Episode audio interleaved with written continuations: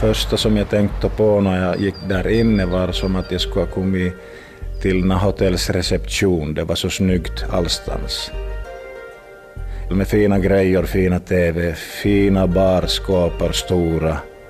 Allt var som från James Bond ungefär.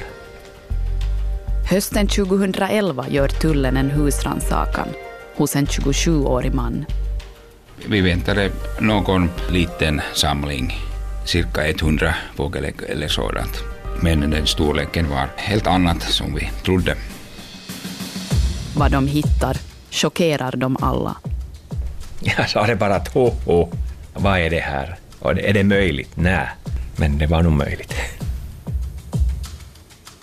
Du lyssnar på första delen av Äggmannen, en svenska yllepodd i tre delar om det största naturskyddsbrottet i finsk historia.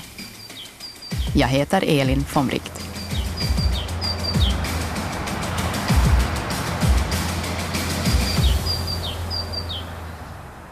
Hela den här historien börjar i Storbritannien i februari år 2009. Operation Easter, brittiska polisens riksomfattande projekt för att få fast så kallade äggdealers. Oftast män som är närmast besatta av att plocka, samla och katalogisera fågelägg. Får nys om en brittisk fågeläggliga med förgreningar till hela världen.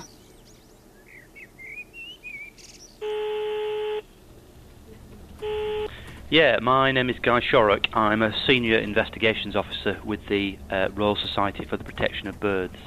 Uh, det här är Guy Shorrock. Han är polisutredare på The Royal Society for the Protection of Birds. En brittisk organisation som tillsammans med polisen jobbar med att få fast bland annat fågeläggtjuvar. Yeah, in 2009 saw the start of a, a, fascinating egg trading case. I've been involved in a lot of the egg collecting inquiries over the years. År 2009 får brittiska polisen upp ögonen för ett intressant fall. Det handlar om tre äggbesatta män som byter ägg sinsemellan.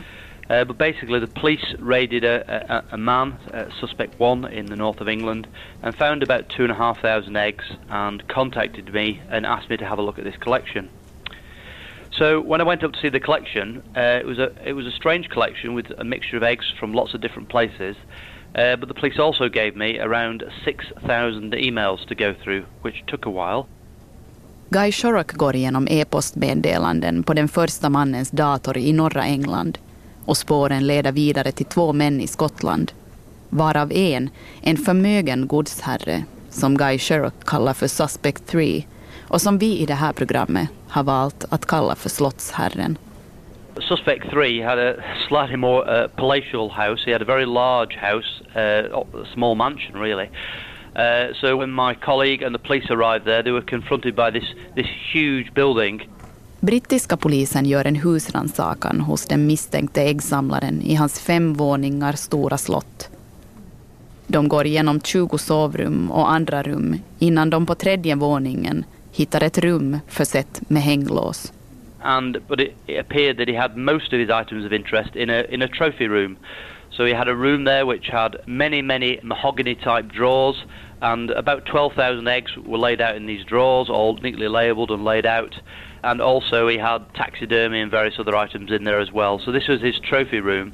När polisen stiger in i det gömda troférummet är de höga väggarna fyllda av uppstoppade fåglar Stora mahognyskåp reser sig från golv till tak och inne i skåpen finns närmare 12 000 fågelägg, välorganiserade och fint uppradade på en bädd av bomull. It appeared that he'd been getting eggs via the internet, so he'd been buying old collections. Polisen beslagtar slottsherrens dator och hittar mängder av mejl och fotografier som har med fågeläggsamlande och plockande att göra.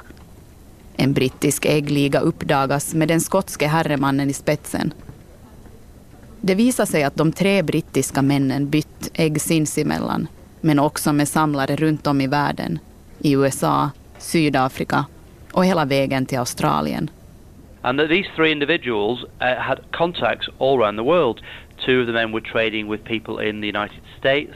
Uh, somebody was trading with uh, somebody in South Africa, and somebody was even getting eggs from Australia. So eggs coming from as far as possible. Men också närmare än så. Det visar sig att en stor del av e-posten i slottsherrens dator kommer från Sverige. It was clear from the first lot of emails we looked at there was some Swedish connections there. And of course it was this man who was the, the main conduit for eggs coming in from Sweden uh, and then some of these Swedish eggs he was passing to his two friends. Det visar sig att slottsherren är en mellanhand för byte av nordiska och brittiska fågelägg. And one of the most damning items they found uh, a parcel with a Swedish postmark on I slottsherrens gömda äggrum hittar polisen ett paket med ett svenskt frimärke på. Det är inte längre någon tvekan att det sker en olaglig handel eller ett utbyte av ägg. So we had this fantastic evidence. We had the email communication, and we now had the physical evidence which we could match in Scotland. So that is the best sort of evidence for us.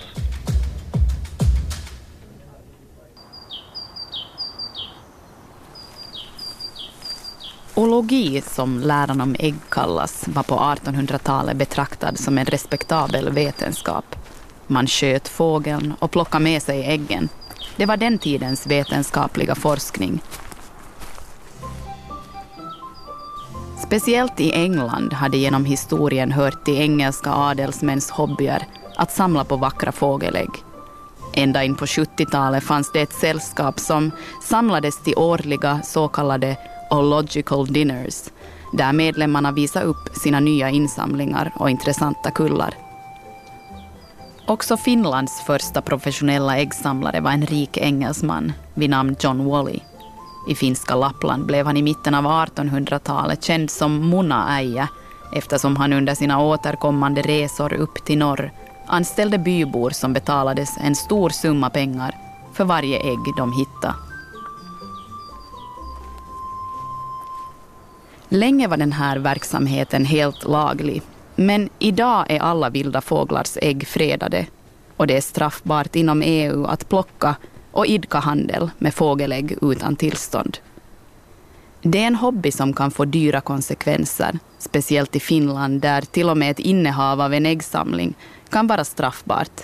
Här kan äggplockare och samlare riskera fängelse och flera hundratusen euro i böter.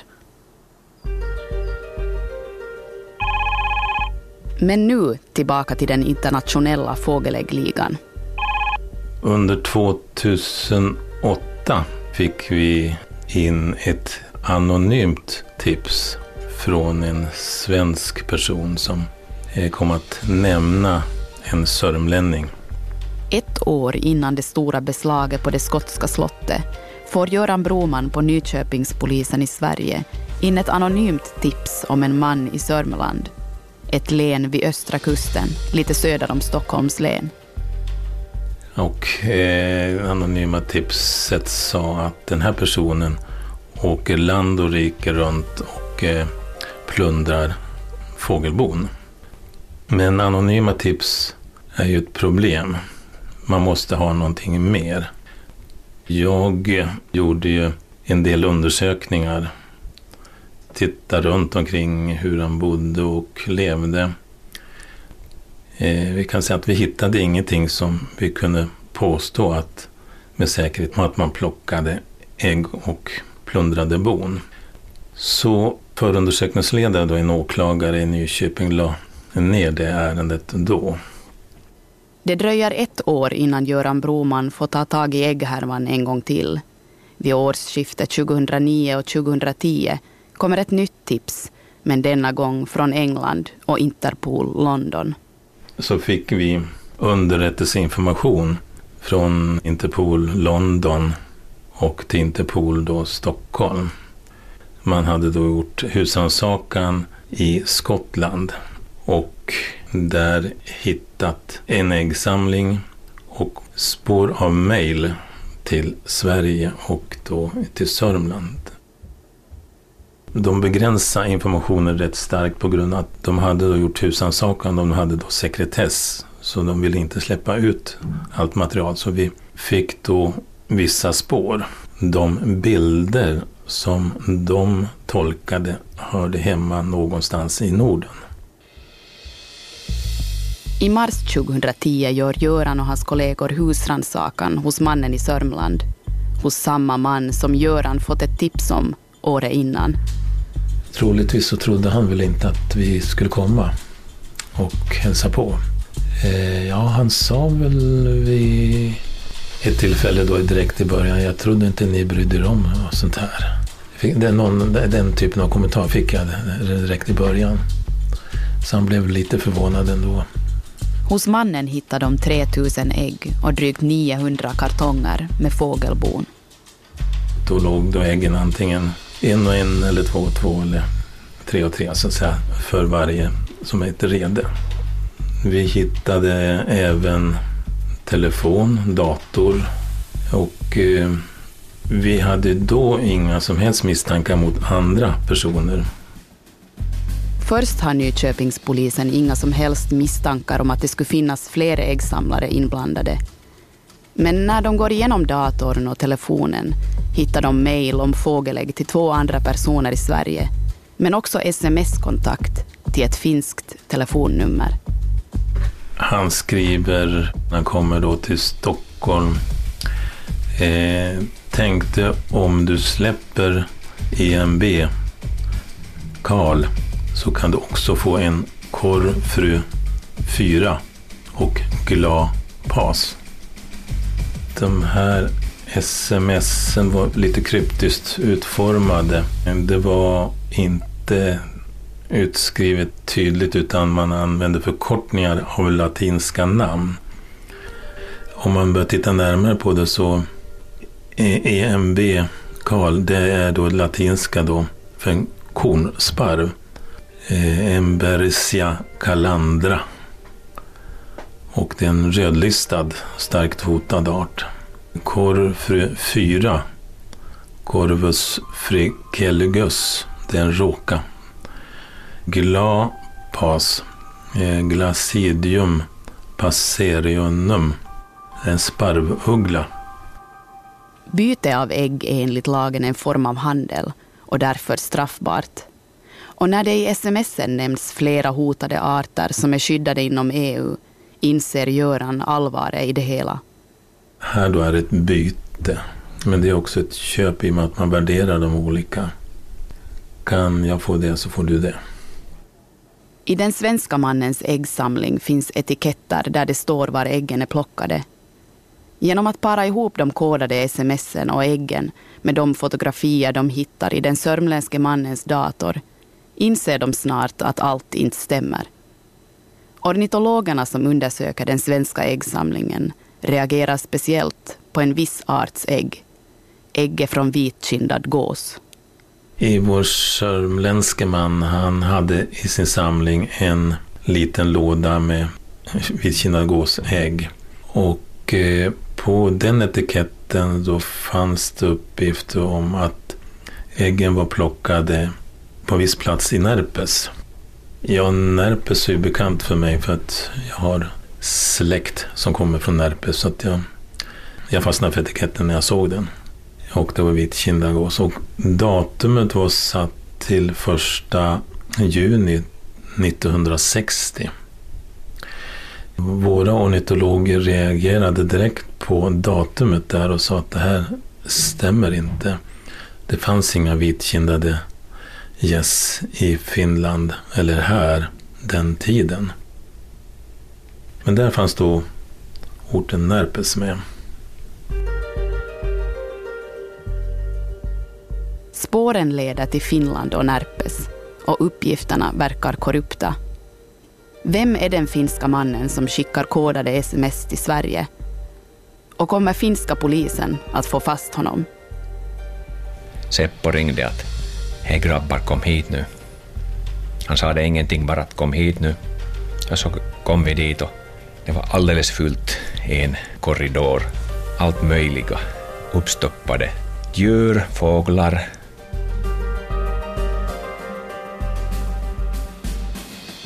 Du har lyssnat på del ett av Äggmannen, en Svenska Yle-podcast i tre delar av mig, Elin von Wright. Producent Staffan von Martens och ljudbearbetning Jyrki Häyrinen.